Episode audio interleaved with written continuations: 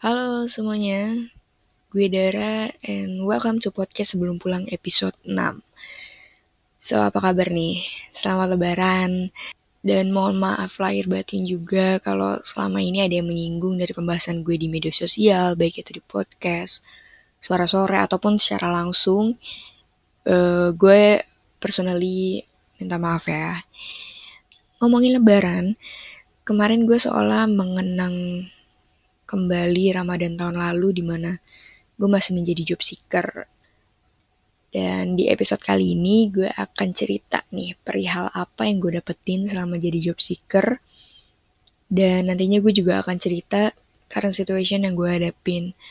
So make sure you stay tune on podcast sebelum pulang.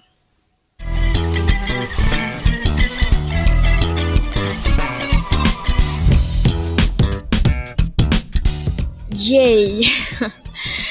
Agak gimana gitu ya anjir tag podcast sendirian kayak gini. Gue gak tahu nih jadinya akan gimana karena gak ada yang diajak tektokan ngobrol bareng kayak biasa. BTW sorry banget kalau agak noise ya karena gue tag ini di jadi satu cafe gitu di Bandung. Anyways ini hari kedua gue solo trip.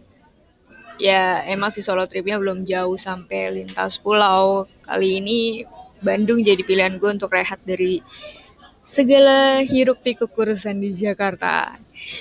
BTW gue nginep di Bobo Box Cipaganti. Ini rekomen banget sih buat kalian yang backpackeran di Bandung dan mungkin ada planning solo trip kayak gue. Suasana hotel, terus juga kamarnya yang gak memungkinkan kita untuk banyak gerak, cocok buat lo yang pengen fokus on the trip, fokus on yourself, nanti gue bakal share thread uh, review hotelnya plus beberapa destinasi tempat kece yang gue kunjungi selama solo trip deh.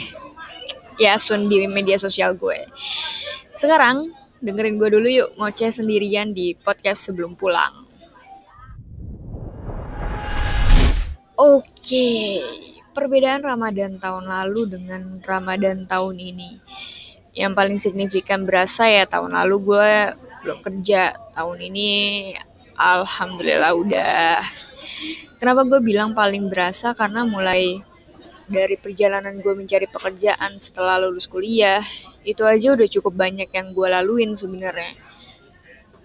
Mungkin beberapa teman sumuran gue yang dengerin ini ngerasain ya kalau selama kita berusaha untuk kayak nemuin pekerjaan kita juga jadi kayak nemuin diri kita sendiri ya mulai dari bolak-balik wawancara, revisi CV beberapa kali kan tuh, terus pelajarin tiap job description. Kita nggak cuma cari pekerjaan yang kita mau, tapi itu juga kayak refleksi diri kualitas kita tuh udah sampai mana. Fase kayak gitu sempet berasa banget di gue sebenarnya. Saat gue udah di tahapan setelah gue deal-dealan gaji dan kontrak, waktu itu di salah satu media company gitu, gue kayak dikasih waktu untuk mikirin dulu tapi nggak lebih dari 24 jam gue udah harus decide. Kalau gue nolak ya otomatis posisi yang gue apply akan dikasih ke orang lain. Saat itu gue inget banget gue cabut dari kantornya gue berusaha kontak orang-orang yang biasanya bisa ngeyakinin gue termasuk nyokap waktu itu. Beberapa teman gue kayak nyuruh gue untuk terima aja. Mereka nganjurin gue untuk jangan terlalu pikirlah sama kerjaan tapi ada satu pertanyaan yang muncul dan jauh lebih ngeyakinin gue. Waktu itu gue mikir, emang ini yang gue mau? Jadi selalu ada dua pertimbangan yang gue pikirin, apakah segala aspek mulai dari job desk sampai budaya kerjanya itu yang gue mau. Dan yang kedua, secara kualifikasi apa gue mampu. Men, karena beda gak sih kerja dengan sekolah? Kita terbiasa kan kalau dulu sekolah diarahin bantu loncatannya. Habis dari kelas 1 ya ke kelas 2 habis belajar A ya belajar B. Habis tahu satu tambah satu ya akan tahu satu kali dua. Polanya jelas gitu kan.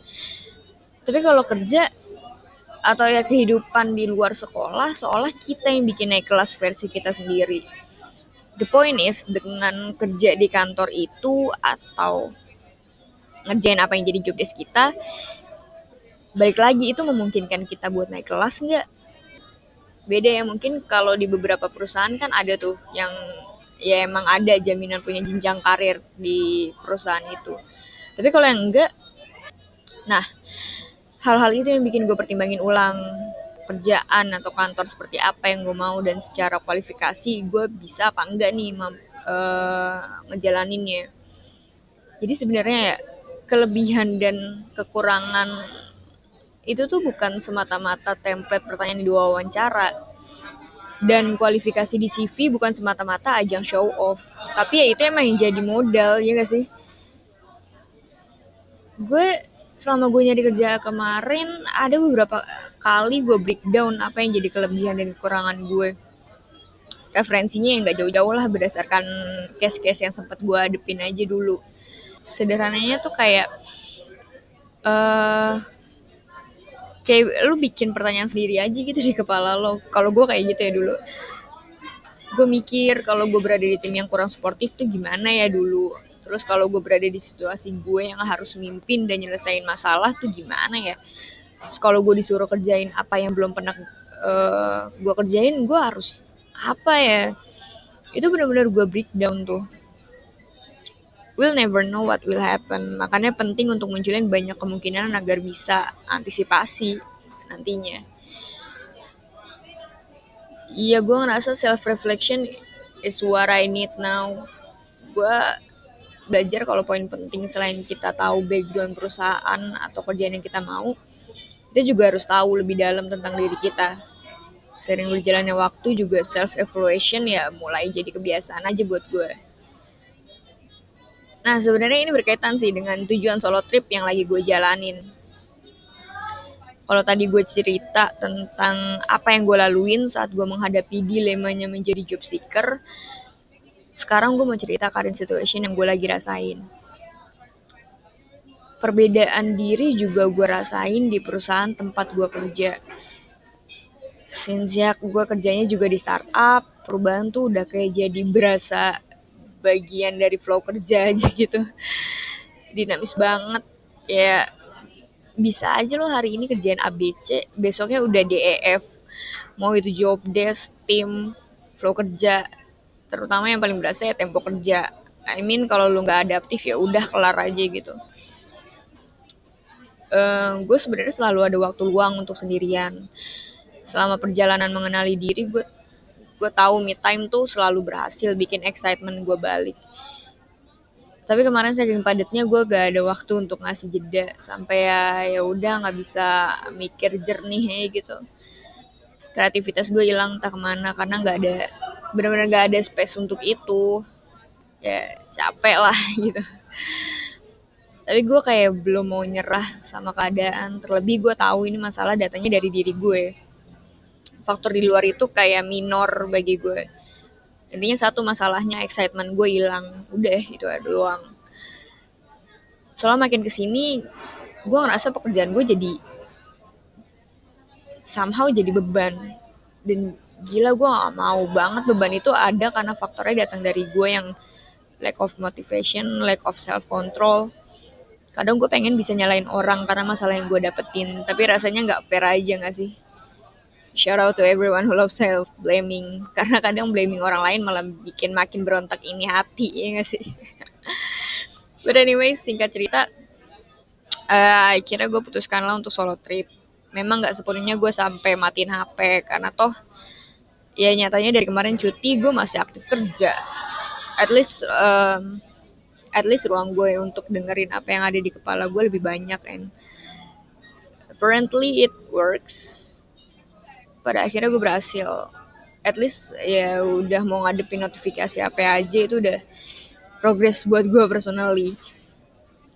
Gue juga akhirnya bisa nulis lagi bisa sampai update up uh, episode lagi di podcast kemarin tuh yang sesimpel suara sore aja gue nggak bisa sama sekali anjir untuk ngide bikin konten man I, I really was a mess and uh, Here's to everyone who's wondering how I get back from my darkness. For me, there's only two options. Nikmatin dulu atau cari distraksi.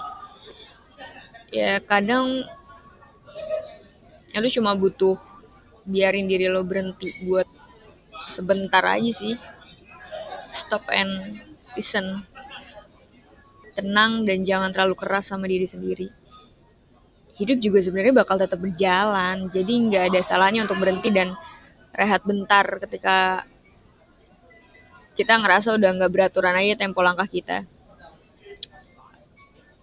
Atur ulang lalu jalan lagi gitu ah ya sekalian deh ngejawabin pertanyaan yang gak jarang juga gue dapetin nih perihal self management uh, anyways ini balik lagi ya cara gue cara gue mungkin tidak applicable buat semua orang but ya udah just let me share how I deal with myself. Um, jadi sebenarnya mulanya ini kebiasaan baru sih ini kebiasaan baru setelah gue dapet kerja itu gue sempet one on one sama itu Mas Iqbal. Halo Mas Iqbal. Terus um, ya kayak biasa self evaluation terus dia kayak nanya problem gue tuh apa sih sebenarnya gitu uh, selama kerja. Ya udah gue bilang gue gue tuh um, sebenarnya kurang dalam time management. Terus singkat cerita dia nyuruh gue bikin to do list entah itu ya medianya bisa apa aja entah itu Google Sheet atau bikin to do listnya di Trello. Di mana pun mungkin nyatet terus gue apa contreng setiap gue udah ngejalanin to do listnya.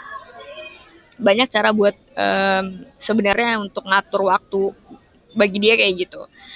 Saya kira gue dikasih buku waktu itu um, one on one problem solving one on one atau gue lupa tapi itu bagus uh, buku bagus banget sih sebenarnya.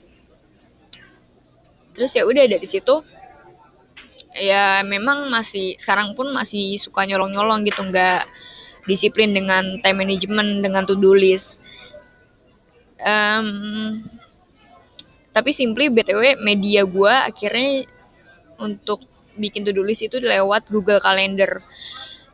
Jadi sekarang pun gak cuma kerjaan gitu yang gue taruh di to-do list gue, tapi juga gimana caranya gue punya waktu untuk me time, gimana caranya gue punya waktu untuk berkarya.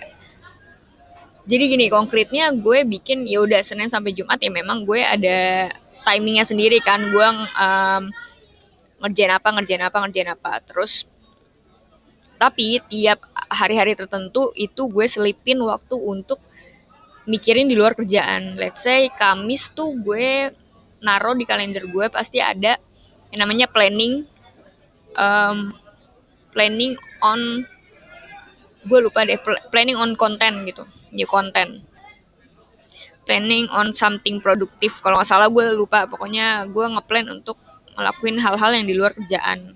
Itu hari Kamis. Terus hari Jumat um, biasanya gue sediain waktu untuk breakdown atau ngedrafting tentang konten apa yang gue mau bikin. Let's say misalkan suara sore, oke okay, gue ngeplotting nih. Kalau suara sore biasanya simple, gue cuma nentuin satu topik, terus gue breakdown poin-poin apa yang berusaha gue sampein di suara sore. Simple kalau suara sore itu jauh lebih simple daripada podcast sebenarnya.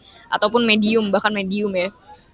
Medium tuh draft gue udah banyak banget sebenarnya, tapi kayak belum berani untuk publish tapi yang penting ya udah um, ada beberapa kali gue uh, juga ngisi medium meskipun itu draft tapi kayak ya udah gue udah ngelakuin sesuatu hal yang di luar pekerjaan gue dan gimana caranya kreativitas gue jalan gitu. Karena gue akan gue tipe orang yang kalau kreativitasnya nggak jalan ya udah gampang stres. Kayak kemarin kan e, selama sebulanan tuh gue nggak ada waktu untuk nulis gue nggak ada waktu untuk ngedraft ide gue nyatet ide gue kira udah kan nggak nggak eh, nggak ke kontrol mood gue ancur sehancur itu. Jadi ngefek ke kerjaan juga. Nah itu yang buruk. Dan akhirnya ya udah gue memutuskan untuk uh, membuat kebiasaan baru ya dengan cara seperti itu. Jadi ada jadwal-jadwal tertentu lah uh, dan itu efektif. Yang awalnya cuma buat bikin time management tapi juga ngaruh ke semua manajemen diri gue gitu gitu sih guys. Um, cara konkret gue untuk at least self management dan ya udah ngebiarin diri gue untuk nggak nggak terlalu terlarut dalam personal ambition yang ya kita semua punya goals gitu tapi jangan terlalu terbuai dengan itu gitu. Kadang kita juga butuh waktu untuk senang-senang. Kayak gue selalu menganalogikannya ya udah gue hidup untuk hari ini lupain dulu besok tuh mau ngelakuin apa yang kayak gitu loh. Um, so ya udah. Dari topik yang berusaha gue bawain ini ya intinya kan solo trip ini adalah bagian dari cara gue untuk menyelesaikan masalah yang datangnya dari diri gue gitu. Dan selama perjalanan mengenali diri sendiri yang gue tahu ketika masalah itu datang dari diri lo ya cuma lo yang tahu gimana cara nyelesainnya. Let's say kayak gini gue nggak gue punya masalah di mana excitement gue hilang. Sebenarnya gue tahu gimana caranya ngebalikin excitement gue itu.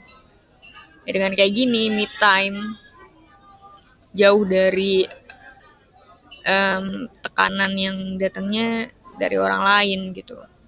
Yang tuh dari orang-orang yang justru kayaknya makin bikin kacau um, proses healing gue lah ibaratnya. And that's it from me. Terima kasih banyak.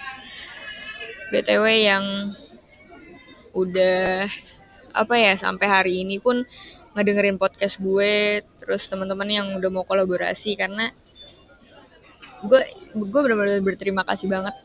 Karena sampai hari ini sampai terakhir gue update total place gue udah mau hampir 900 which is it's actually beyond my expectation gitu gue mulai ini dari Januari terus baru bulan Juni tapi udah mau total place-nya mau nyampe angka 900 itu kayak uh, something banget buat gue thank you so much apalagi teman-teman yang suka sharing abis gue shit posting di sore-sore. Thank you so much guys. Dan yaudah, that's it from me. Semoga faedah. Uh, gue tunggu juga sharing-sharing dari kalian. Mungkin kalian punya caranya masing-masing. Nanti gue akan uh, tulis juga kalau memang ada yang mau bersedia untuk sharing. Gue akan bikin versi suara sorenya. Oke, okay, itu aja. And until then, see ya.